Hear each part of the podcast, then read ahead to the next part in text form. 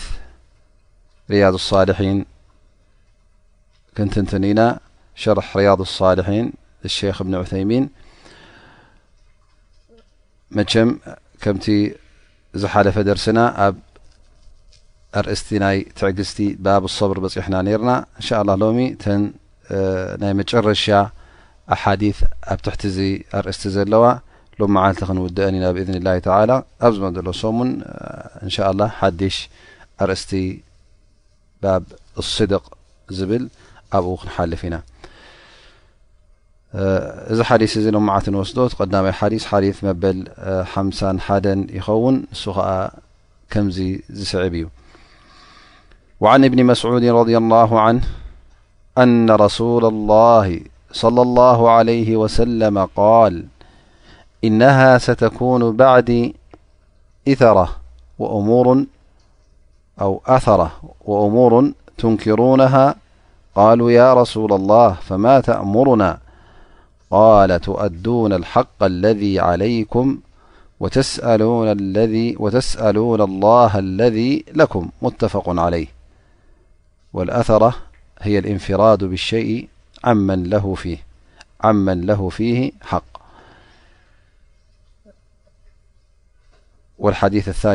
عن أبي يحيا أسيد بن حضير رضي الله عنه أن رجلا من الأنصار قال يا رسول الله ألا تستعملني كما استعملت فلانا فقال إنكم ستلقون بعدي أثرة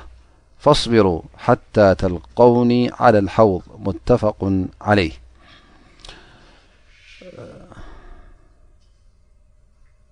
طبعا እዞም ክልተ ሓዲስ ከምቲ ዝጠቐስናዮ ኣብ ባብ ሰብር ኣርእስቲ ናይ ትዕግስቲ ዝሓዘ ኣብ ትሕቲኡ ዝስርዑ ኣሓዲ እዮም እቲ ቀዳማይ ሓዲ ሓዲ እምኒ መስዑድ ብሕፅር ዝበለ ትንትና ክንተንትኖ ብሕፅር ዝበለ ትንትና ክንትንትኖ ይብሉ ነቢና መሓመድ ለ ላሁ ለ ወሰለም ብድሕረይሲ ብዙሕ ጉድለት ክትርእዩ ኢኹም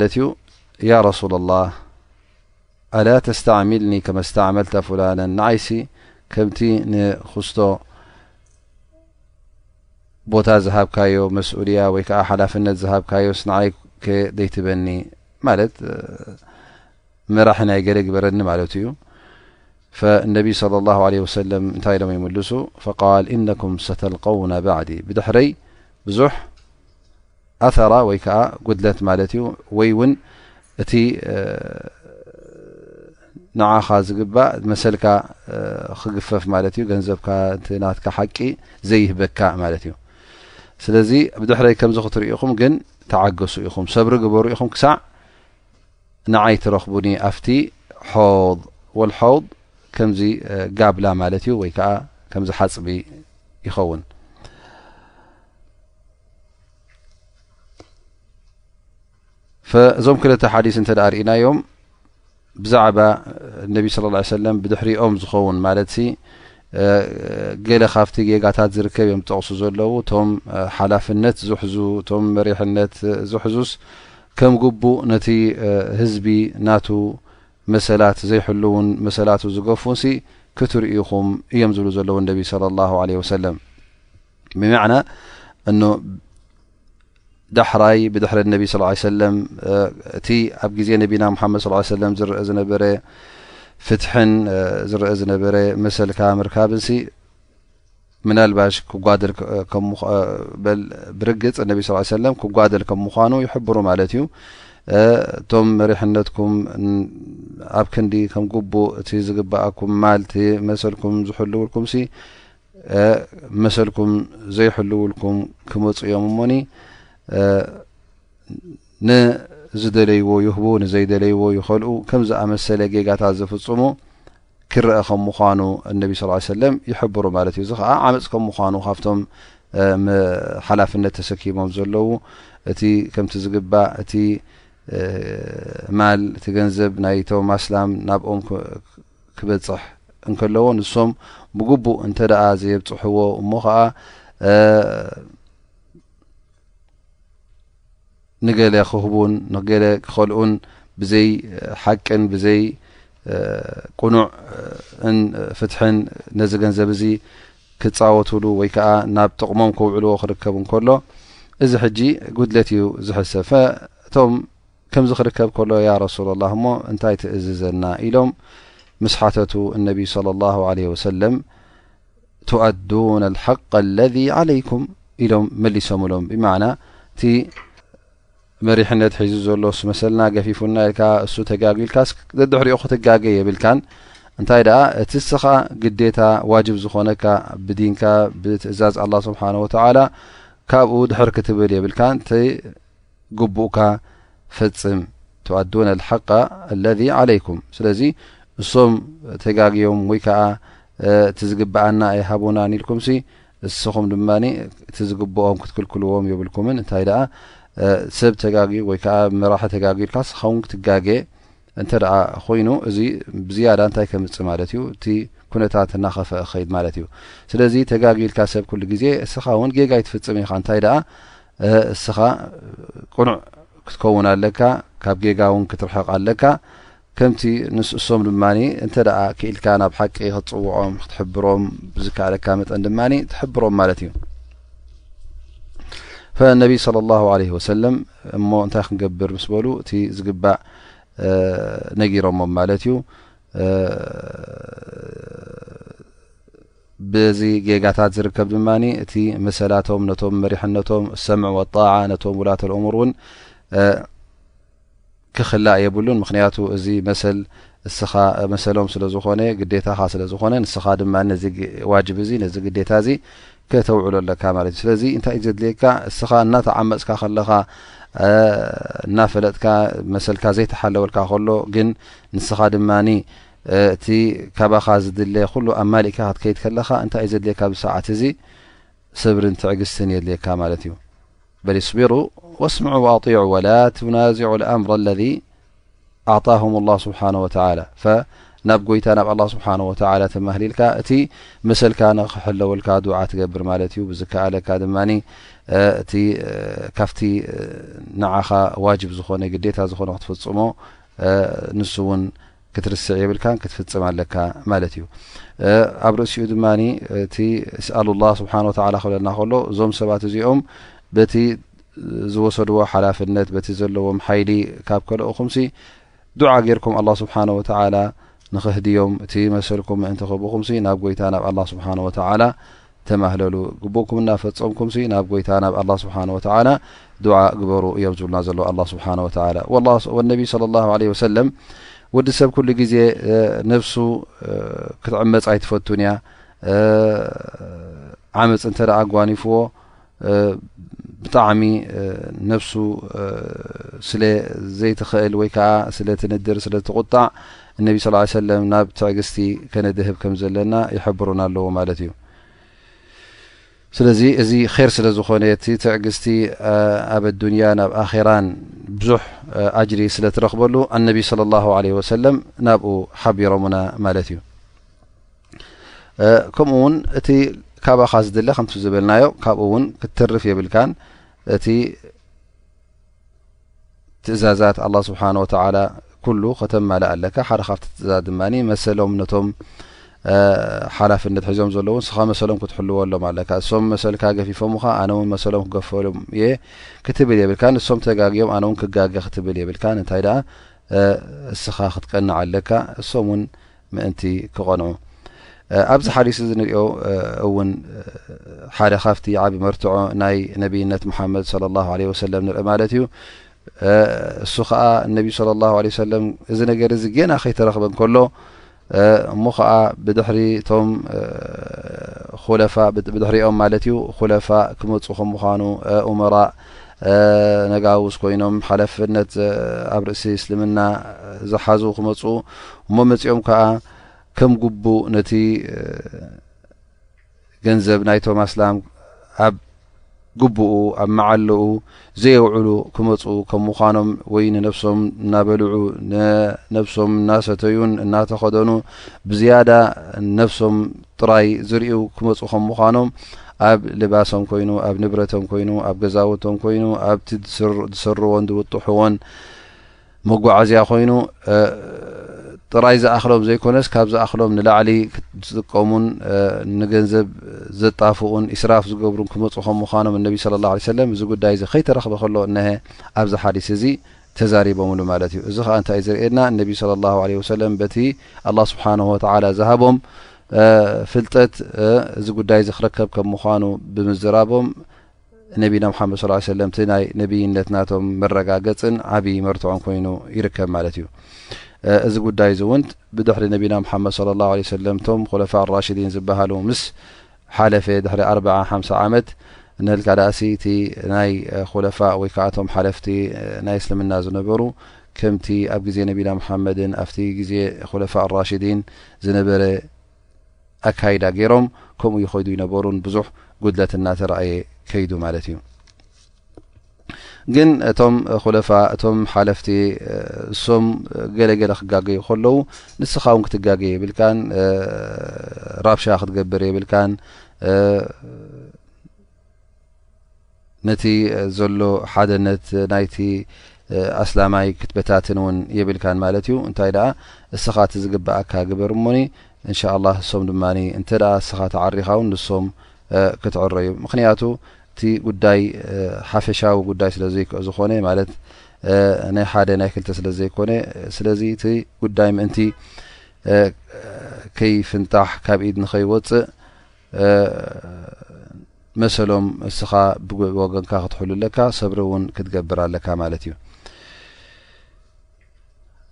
ኣብቲ ካልኣይ ሓዲስ ሓዲስ ኡሰይድ ሓዲስ ኡሰይድ ብን ሑደይር ነቢ ስለ ላሁ ዓለ ወሰለም ሰብሪ ግበሩ ክሳዕ ኣብቲ ሖድ ትረኽቡኒ ኣብኡ ንዓይ ትረኽቡኒ ኢሎም ማለት እዩ ብማዕና እኑ እንተ ደኣ ሰብሪ ጌርኩም እንተ ደኣ ተዓጊዝኩም ሲ ጻማኹም ክጸንሓኩም እዩ ጻማኹም ከኣ ኣብ ዮም ኣልቅያማ ኣነ ካብቲ ሓጽቢ ናተይ ካፍቲ ኣላ ስብሓን ወተላ ንዓይ ጥራይ ዝወሰኖ ዓብዪ ሓፅቢ ካብኡ ክትሰትዩ ኢኹም እዮም ዝብሉ ዘለዉ ነቢ ለ ላ ለ ወሰለም ኣላሁማ ጅዓልና ምንሁም ጀሚዓን ካብቶም ናብዚ ሓፅቢ እዚ ዝወርዱን ዝሰትዩን ካብኦም ገብረና ድማ ድዓ ንገብር እዚ ሓፅቢ እዚ እዚ ሖብ እዚ ኣብ ዮም ኣልቅያማ ጠብዓ ኣብ ፍልይ ዝበለ ቦታ ኣለዎ ማለት እዩ ኣብቲ ግዜ እቲ ድማ ደቂ ሰብ ብጣዕሚ ፅምኢ ዝስምዖም እዋን ስለ ዝኾነ እዚ ሖድ እዚ እዚ ሓፅቢ እዚ ኣገዳስነት ኣለዎ ማለት እዩ ኣብ ርእሲ እቲ ዋዒን ኣብቲ ርእሲቲ ሃም ዘለካን ሻቕላ ዘለካን ሽግራት ኣብ ቅድሜኻ ትሪኦን ድስምዓካ ናይ ማይ ፅምኢ ሓያል ስለ ዝኾነ ኣላ ስብሓን ወተላ ንነቢና ሙሓመድ እዚ ሓፅቢ እዚ ንዕኦም ሂብዎም ማለት እዩ ኣብዚ ሓፅቢ እዚ ዝመፁ ድማ መን እዮም እቶም ሰዓብቲ ነቢና ሙሓመድ ለ ላ ለ ወሰለም እዚ ሓፅቢ እዚ እውን ሰፊሕ ዓብዪ እዩ ማለት እዩ እነቢ ስ ሰለም ክገልፅዎ ከለዉ ይብሉ ጡል ሻሃር ዓርض ሻሃር ማለት ጎኑ ንወርሒ ትኸዶ ቁመቱ እውን ከምኡ ወርሒ ትጓዓዘሉ እዩ ይብሉ ነቢ صለ ላ ለ ወሰለም ስለዚ ዓብዪ ከም ምኳኑ በዚ ይበርሃልና ማለት እዩ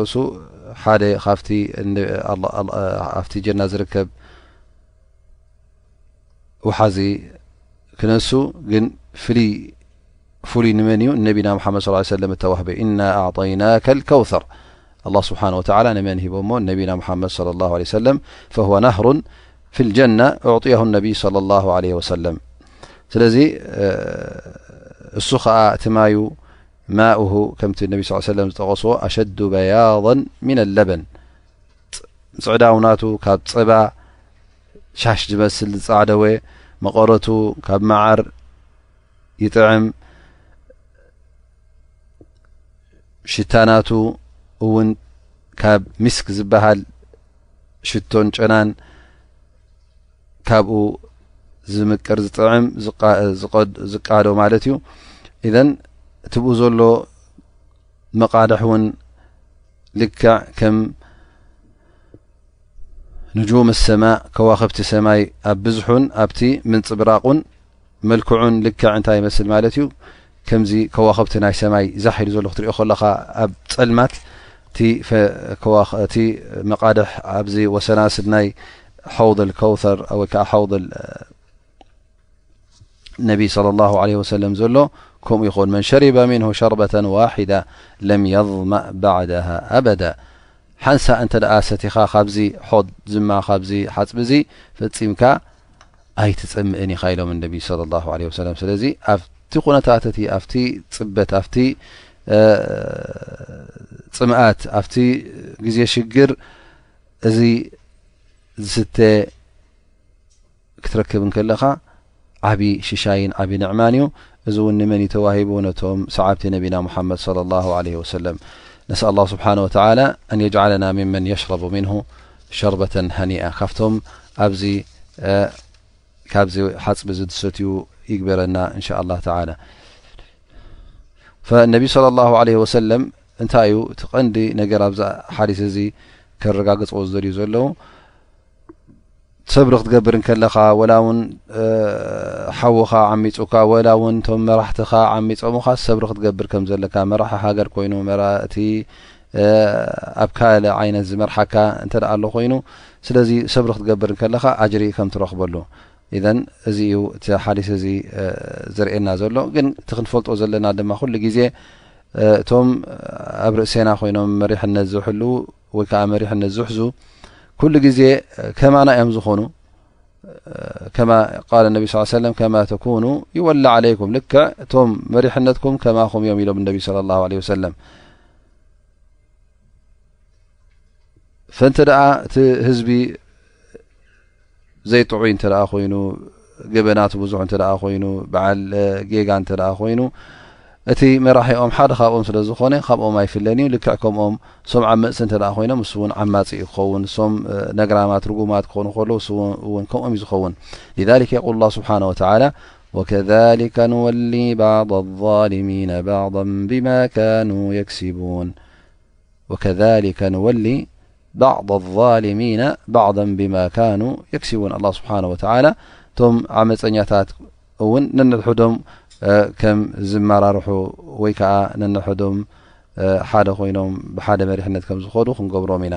ስለዚ እቲ ህዝቢ እንተ ተዓርዩ እንተ ጥዑዩ እቶም መራሕቲ እውን ጥዑያት እዮም ዝኾኑ ብዛዕባ እዚ ጉዳይ ዝጥቀስ ኣብ ግዜ ዓሊ እብን ኣብ ጣልብ ረድ ላሁ ዓንሁ ሓደ ካብቶም ኸዋርጅ ካብቶም መገዲ ስሒቶም ኣንጻር ዓሊ ብን ኣብ ጣልብ ዝቃለሱ ዝነበሩ ወይ ከዓ ዘዋግኡ ዝነበሩ ይሓቶ ማለት እዩ ያ ዓሊ ይብሎ ማ ባሉ ናስ እንተቀዱ ዓለይካ ወለም የንተቅዱ ዓላ ኣብ በክር ያ ዓሊ ስለምንታይ እዮም እዞም ሰባት ንዓኻ ዝነቕፉኻ ዘለዉ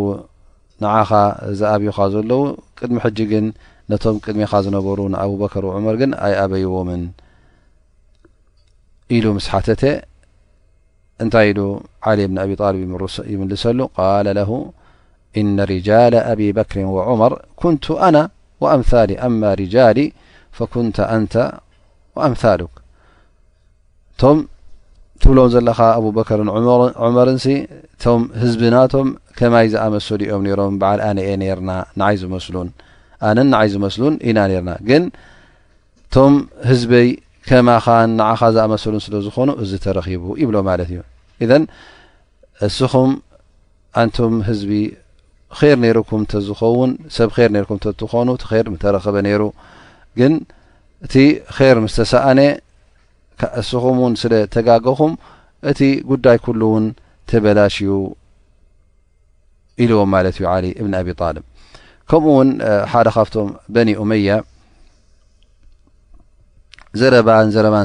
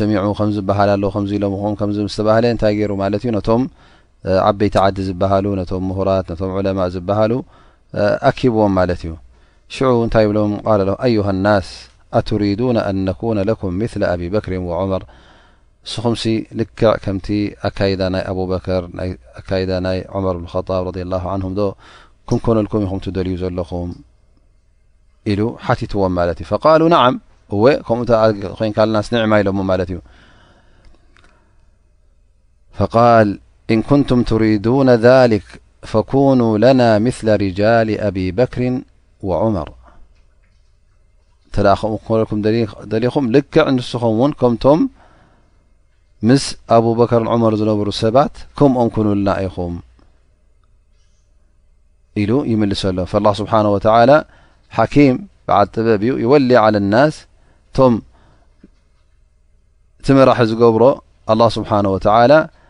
ልክዕ ከምቲ ነቶም ሰባት ከምቲ ተግባራቶም እዩ ዝገብረሎም እቶም ኣህለል ር በዓል ር ሰብ ር እተ ኮይኖም በዓል ር መፆም እንተ ር ዘይብሎም ኮይኖም ድማ ልክዕ ከምቲ ተግባሮም እታ ኢዶም ኣብቲ መራሒኦም እውን ይረኽብዎ እዮም ኢልዎም ማለት እዩ ስለዚ እቲ ቐንዲ ነገር ከምቲ ኩላህና ንፈልጦ እቲ መራሒ ተባሂሉ ወይከዓ በዓል ሓላፍነት ተባሂሉ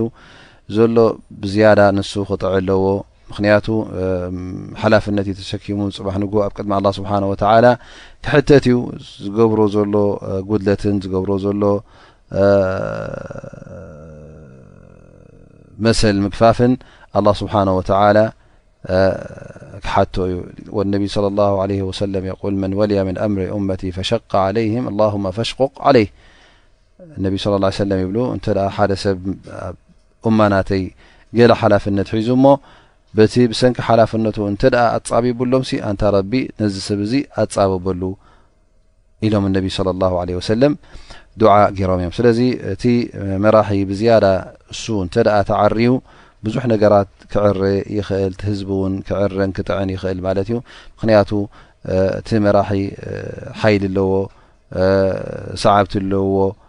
ክእለት ኣለዎ ብዙሕ ነገራት ስለ ዘለዎ ብዙሕ ነገራት ክቕይርን ከመዓራርይን ስለ ዝኽእል ብቐንዲ ንሱ እውን ግዴታ መገዲ ኣላ ስብሓን ወተላ ክሕዝ ኣለዎ ካብ መገዲ እውን ክውፅእ የብሉን ምእንቲ እቲ ኩነታት ኩሉ ክዕረ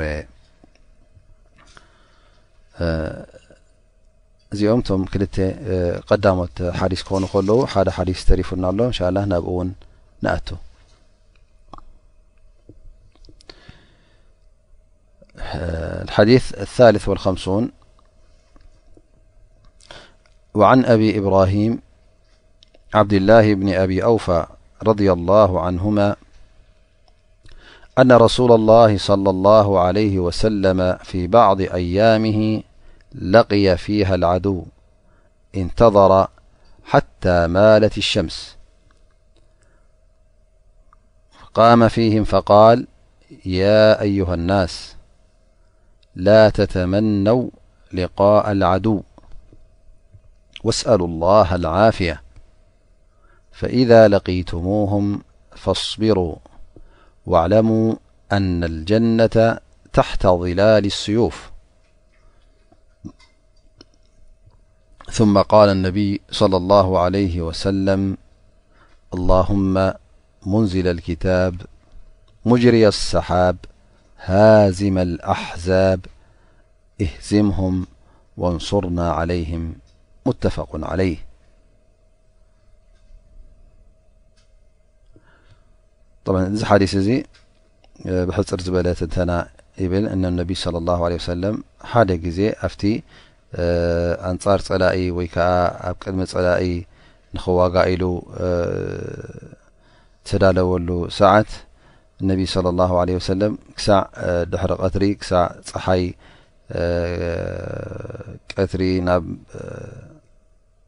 ምዕራብ ገጻ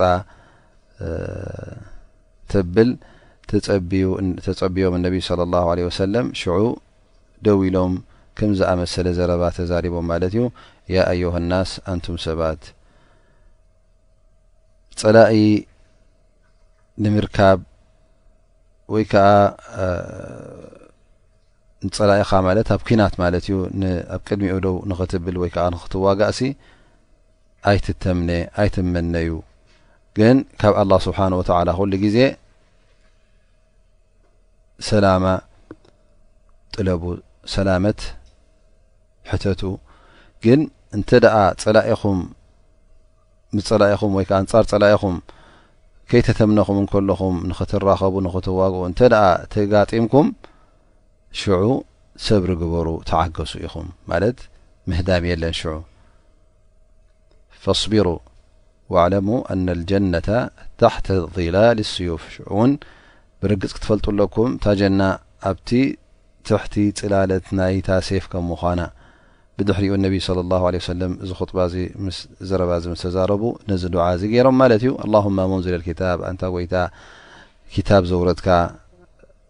ንጊሜ ወይ ከዓ ንጊሜ እትንቀሳቐስ ንኣሕዛብ ዝሰዓርካ ኣንታ ጎይታ ነዞም ጸላእትና እዚኦም ሰዓሮም ኢኻ ኣዓውተና ኢኻ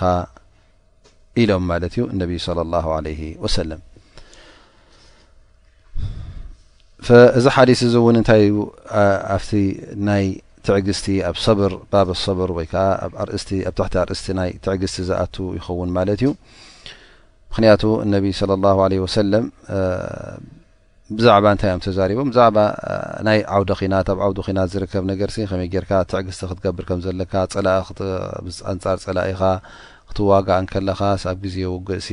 ሰብሪ ክትገብር ከም ዘለካ እዩ ዘርኢ ዘሎ ማለት እዩ። ብቐንዱ እዚ ሓዲስ እዚ ጠብዓ እነቢ ስለ ላ ሰለም እቲ መጀመርያ ሓዲስ ይብል ፈንተظራ እነቢ ስ ሰለም ሓታ ዛለት ሸምስ ማለት ጸሓይሲ ካብቲ ካብ ማእከል ሰማይ ካብ ከብዲ ሰማይሲ ንምዕራብ ገጻ ቁሩብ ምስ ዘንበለት እዚ ከኣ ምንቲ ምንታይ እዩ ምእንቲ እቲ መሬት ቁሩብ ክዝሕል ማለት እዩ ምክንያቱ ግዜ ቀትሪ ካብ ሰዓት ዓሰርተ ደሎ ክሳዕ ሰዓት ሓደ ክልተ እናልካ ደኣሲ ሓያል ብርቱዕ ጸሓይ ስለ ዘለዎ ብዝያዳ ኣብ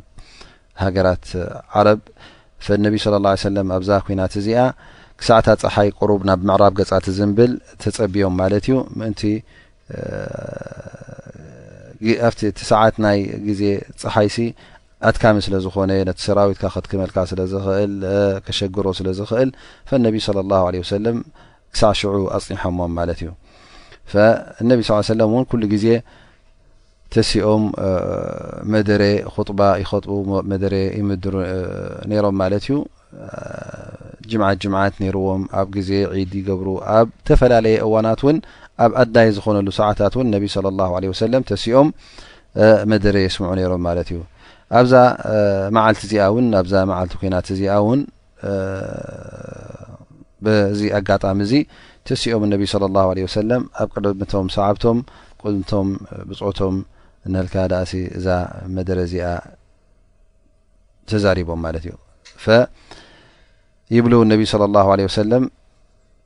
ላ ተተመነው ሊቃእ ኣልዓድው ካብቲ ዝበልዎ ዘረባስ ጸላኢ ንክረኽበኩም ወይ ከዓ ንክትረኽብዎ ኣብ ቅድሜኹም ኣብ ኩናት ምስኡ ንክትገራጨውስ ኣይትተምነዩ ወዲ ሰብ ኩሉ ግዜ ሰላመት ክምነ ኣለዎ ዳኣ እምበር ኩናትን ምቅታልን ክምነ የብሉን ኣንታ ረቢ መዓስ ኢና ነዞም ጸላእትና ንረኽቦም እሞኒ ንፋጨኦም ከነስትዮም ኢልካ ከምዚ ካ ትምኒት ኣየድልን እዩ ነቢ ስለ ላ ሰለም ኣኑ እስኻ ከምዚ ክትብል ከለኻ ኣብቲ ኩናት እንታይ ዓይነት ከተርኢ ምዃንካ እንታይ ከጓንፈካ ከም ምዃኑ ኣይትፈልጥን ኢኻ ስለዚ ከም ግቡእ ኣላሁመ ዓፊኒ ክትብል ኣለካ ማለት እዩ ኣብ ከምዚ ዝኣመሰለ ፈተናስ ኣይተውድቐኒ ክትብል ኣለካ ምክንያቱ እቲ ኩናት ንገዛእ ርእሱ ፈተና እዩ ሰብ ክትቀትል ንሱ ክቀትለካ ክመፅእ እንከሎስ ፈተና ስለ ዝኾነስ ነዚ ኣይትተምነ እዩ ግን እንተ ደኣ ተራኺብኩም ግን እዚ እብትላእ ስለ ዝኾነ ኣብዚ በላእ እዚ ግን ሰብሪ ግበሩ ከይተመነኹም እንተ ተረኺቡ ግን ሰብሪ ግበሩ እዮም ዝብሉ ዘሎ ነቢ ስ ሰለም እዙ ድማ እቲ ቐንዲ ነጥቢ ኣብዛ ሓዲስ እዚኣ እስቢሩ ወስተዒኑ ቢላህ ማለት ሓገዝ ካብ ኣላ ስብሓን ወተላ ጥለቡ ትዕግስቲ ግበሩ ኸላስ እንተ ተራኺብኩም ክትሃድሙ ከተንስሕቡ ኣይፍቀድን እዩ እንታይ ደኣ ቀጥ ክትብሉ ኣለኩም ክሳዕ እታ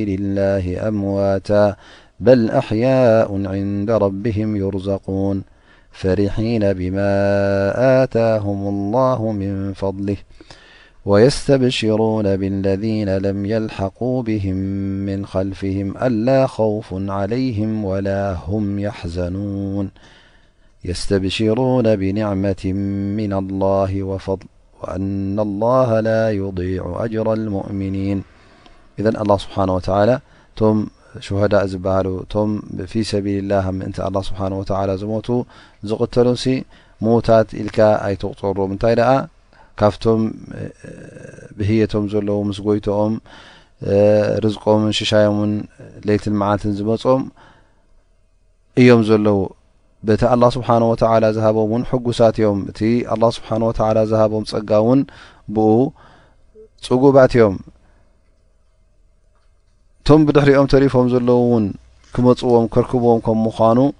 ብኦም እውን ይብሰሩ ብዘይ ፍርሃትን ሓዘን የብሎም ፍርሃትን እውን የብሉን ኣላ ከውፍን ዓለይህም ወላ ሁም ያሕዘኑን በቲ ኣላ ስብሓን ወተላ ዝሃቦም ሽሻያትን ፀጋን እውን እንህልካ ደኣሲ ይሕጎሱን ይብሸሩን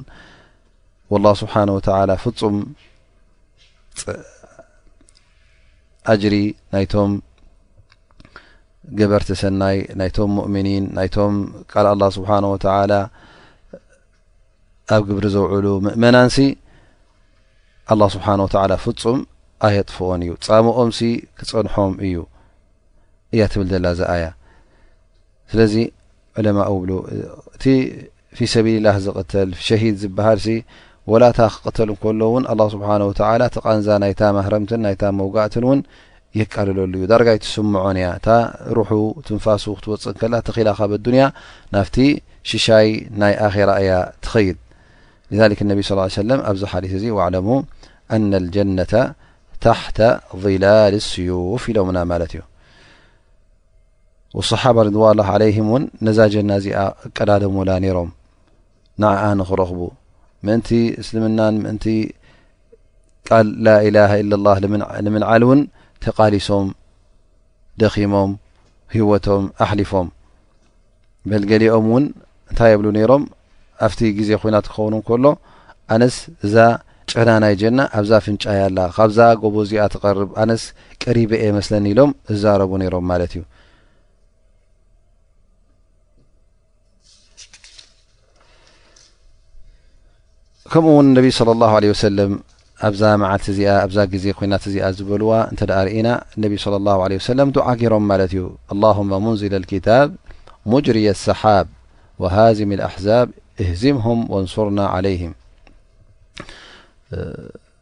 እዚ እንታይ እዩ ዘርእየካ ማለት እዩ እቲ ኣብ ሜዳ ኩናት ኣብ ዓውዲ ኩናት ዘሎ እቲ ንጅሃድ ኢሉ ዝወፀ እውን ብሓይሉ ኣይኮነን ዝስዕር እንታይ ደኣ ኩሉ ግዜ ናብ ጎይታ ናብ ኣላ ስብሓን ወተዓላ ክፅጋዕ ኣለዎ ናብ ጎይታ ናብ ኣላህ ስብሓነሁ ወተዓላ ክጽጋዕ ኣለዎ፣ ዱዓ ክገብር ኣለዎ። ወነብይ ሰለላሁ ዓለይሂ ወሰለም ኣላህ ስብሓነሁ ወተዓላ ከዐውቶም ከም ምዃኑ ቃል ኣትዩሎም እንከሎ ንህልካ ደኣሲ ዱዓ የዘውትሩ ነይሮም። ነብይ ሰለላሁ ዓለይሂ ወሰለም በቲ ኣያት ከውንያ ወሸርዕያ ንኣላህ ስብሓነሁ ወተዓላ ጸዊዖሞ። ኣንታ ረቢ ኣንታ ክታብ ዘውረድካ ቁርኣን ይኹን ካልእ ክታብቲ ማለት እዩ ንኹሉ ክታብቲ ዘርኢ መቸም ብዝያዳ ድማ እቲ ናብ ነቢና ሙሓመድ ሶለላሁ ዓለይሂ ወሰለም ዝወረደ ክታብ ኣንታ ጎይታ ነዚ ግመታት እዚ ተንቀሳቕስ ነዚ ኣብ መንጎ ሰማያትን መሬትን ዘሎ ኣብ ሃዋሁ ተንጠልጢሉ ዘሎ እዚ ዘይበሃል ግመታት ተንቀሳቕስ ኢሉ ኢሎም ንኣላህ ስብሓነሁ ወተዓላ ይፅውዕዎ ማለት እዩ እዚ ከዓ እንታይ እዩ ኣንታ ጎይታ እስኻ ኢኻ ሓያል ህዝቢ ዓለም ኩሉ ተኣኪቡ ነዚ ጊመታት እዚ ኣብ ድላዩ ክስሕብ ኣይክእልን እዩ ብጀካኻ ዝገብሮ የለን እሞ በዓል ከምዚ ሓይሊ ኢኻ እሞኒ ከም ድላይካ ጌርካ ተንቀሳቀስ ንዝኾን ነገራት ስለ ዝኾንካ ኣንታ ጎይታ ምሳና ኹን ኣንታ ጎይታ ንስኻ ውን ሃዚመ ኣዛብ ኢኻ ኣዛብ መን እዮም እቶም ነቢና ሓመድ صለ ላ ለ ወሰለም ክጥፍኡን ነቶም ምእመናን ኣብ መዲና ዝነበሩ ኩሎም ክቐትሉ ኢሎም ተበገሱ ካብትን ካብትን ካብ ብዙሓት ቀቢላታት ተኣኻኸቡ ሰባት ሰራዊት ማለት እዩ ንነቢና ሓመድ ስ ሰለም ዳርጋ ዓሰርተ ሽሕ ዝኾኑ ተዋጋእቲ መፂኦም ንመዲና ከቢቦማ ነሮም ማለት እዩ እዚኦም እንታይ እዮም እንታይ ይበሃሉ ኣሕዛብ ኣብ ግዜ ነቢና ሓመድ ሰለም ዝወት ኣሕዛብ ኣብ ዝወት ከንደቕ ትበሃል እታ ተገብረት ኩናት እውን ፈኣላህ ስብሓን ወተዓላ እውን እዞም ኩሎም ዓሰርተ ሽሕ ዝኾኑ መፂኦም ንነቢ ስ ሰለም ሽዑ ምናልባሽ ኩሎም ተኣኪቦም ኣብ መዲና ዝነበሩ እቶም ኣስላም ዳርጋ ካብ ሽሕ ዘይሓልፉ ዝነበሩ ዓሰርተ ሽሕ ንህልካ ደኣሲ ተዋጋእቲ መፂኦሞም ንመዲና እውን ኣኽቢቦማ ማለት እዩ ኣብዚ ሰዓት እዚ እነቢ ስለ ላሁ ለ ወሰለም እቲ ክገብርዎ ዝኸኣሉ እንታይ እዩ ነይሩ? ኣብ ውሽጢ መዲና ኮይኖም ነዛ መዲና እዚኣ ንክሕልዉ፣ እቲ መእተዊታት ዝበሃል ወይ ከዓ ሰራዊት ክኣትወሉ ዝኽእል ዝበሃል ንዑ ኩሉ ኩዒቶሞ ማለት እዩ። ምእንቲ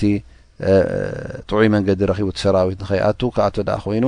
ክሽገር እዩ ማለት እዩ። ወይ ብጎቦታት ክመፅእ እዩ፣ ጎቦ ድማ ቀሊል ኣይኮነን። ወላ ሚእቲ ሰብ እንተ መፅኦም ሓደ ሰብ ክመልሶም ይኽእል እዩ፣ ምክንያቱ ላዕሊ ኮይኑ ወላ እምኒ ተደፊኡ ከባርሮም ስለ ዝኽእል እቲ መእተዊታት ዝበሃል ዝነበረ ነቢ ስ ሰለም ምስቶም ብፆቶም ኮይኖም ኩዒቶም ዓፅዮሞ ማለት እዩ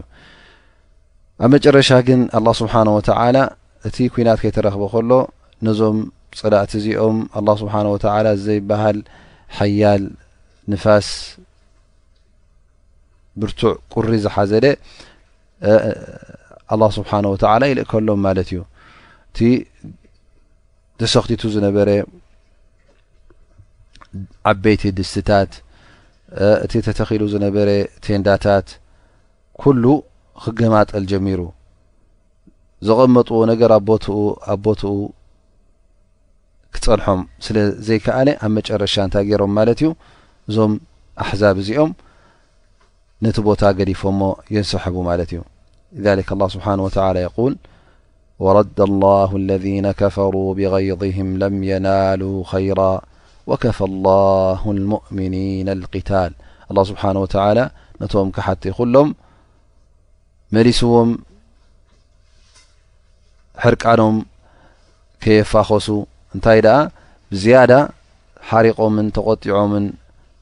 ነዲሮምን ተመሊሶም ወላሁ ስብሓን ወተዓላ ነቶም ምእመናን ነቶም ሙእኒን ድማ ኣብ ኩናት ኣየእተዎምን ስለዚ እቲ ዓወት ኩሉ ካብ መን እዩ ተረኪቡ ካብ ኣላ ስብሓን ወተዓላ መን እዩ ስዒርዎም ኣላ ስብሓን ወተላ ዛሊክ ነቢ ስ ሰለም ኣብዛ መዓልቲ እዚኣ ወሃዚመ ኣሕዛብ ኢሎም ዱዓ ገይሮም ማለት እዩ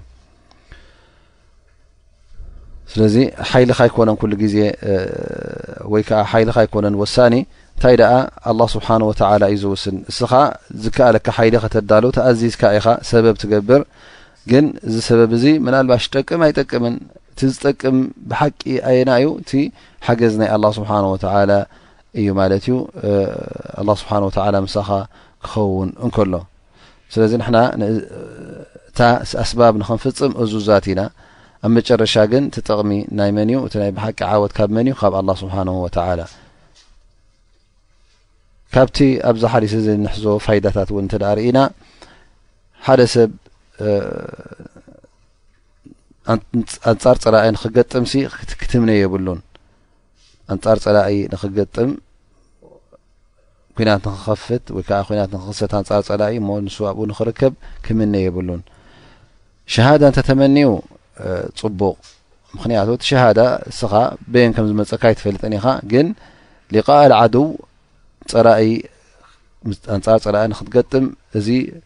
ምርመራ ፊትና ስለ ዝኾነ ምናልባሽ እስኻ ኣብቲ ሰዓት እቲ ትሃድም ወይ ከዓ ትሽገር ትኸውን ወይ ከዓ ኣብ ሕማቕ ነገር ትወድቕ ትኸውን ስለዚ ኣብ ከም ዝኣመሰለ ፊትናታት ንክትወድቕ ክትምነ የብልካን እዮም ዝብለና ዘለዉ ነቢና ሙሓመድ ለ ላ ለ ወሰለም ስለዚ እንታይ ክገብር ኣለዎ ማለት እዩ ሓደ ሰብ የስኣል ላህ ኣልዓፍያ ኣላ ስብሓን ወተላ ሰልመና ኣብቲ እምትሓን ኣ ፈተና ኣይተውድቐና ክትብል ኣለካ ማለት እዩ ካብ ፈተና ኩሉ ግዜ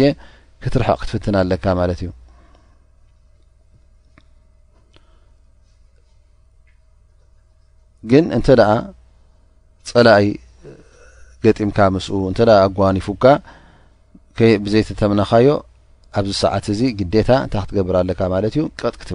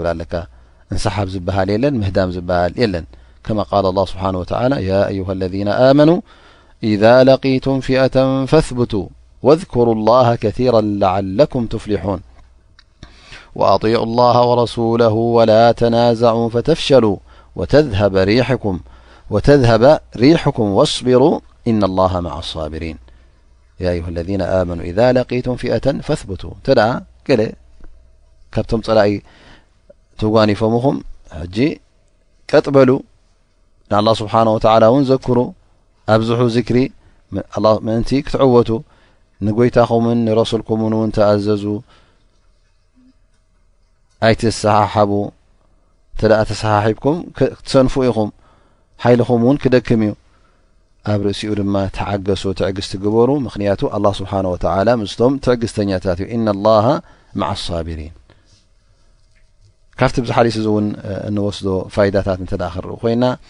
እቲ መራሒ ናይ ሰራዊት እውን ኩሉ ግዜ ነቶም ሰራዊቱ ዘድክብ ነገር ክፍፅም የብሉ እንታይ ደኣ ንዕኦም ዝፈክሰሎምን ንኦም ዝቀለሎምን ክደሊ ኣለዎ ሊክ ነቢ ስለ ላ ሰለም ኣብዞም ዝረኣናዮም ሓዲስ እቲ ምቹእ ዝኾነ ቅቡል ዝኾነ ወቕቲ ይመርፀሎም ማለት እዩ እቲ ዝዋግኡሉ ሰዓታትን እዋናትንሲ ኣብ ግዜ ሓያል ቁሪ ክኸውን የብሉን፣ ኣብ ግዜ ሓያል ሃሩር ወይ ከዓ ዋዒ ክኸውን የብሉን፣ እንታይ ደኣ ነቲ ሰራዊት ዘይትክም እዋናትን ግዜያትን ኣብኡ ክኸውን ኣለዎ ማለት እዩ፣ ምክንያቱ ዝያዳ ናይ ድኽመትን መሸቃን ንኸይርከብ።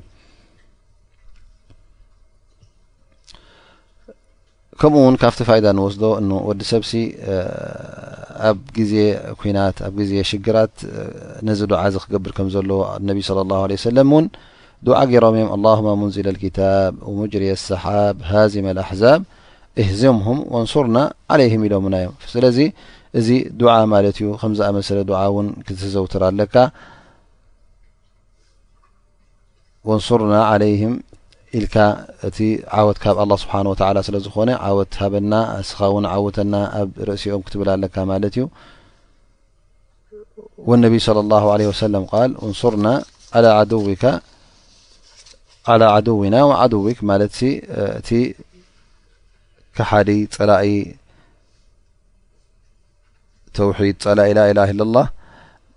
ፀላኢ እቶም ኣስላም ዘይኮነስ እንታይ ደኣ ፀላኢ ጎይታ እውን እዩ ምክንያቱ ነቲ ሓቂ ክዝውተር ስለ ዘይደሊ ሓቂ ናብ ኩሉ ክበፅሕ ቃል ዲን ኣላ ስብሓን ወተዓላ ክዝውተር ዘይደሊ እንተ ኮይኑ እሞ እዚ ሰብ እዚ ፀላኢ ናይ መን ማለት እዩ ፀላኢ ናይቲ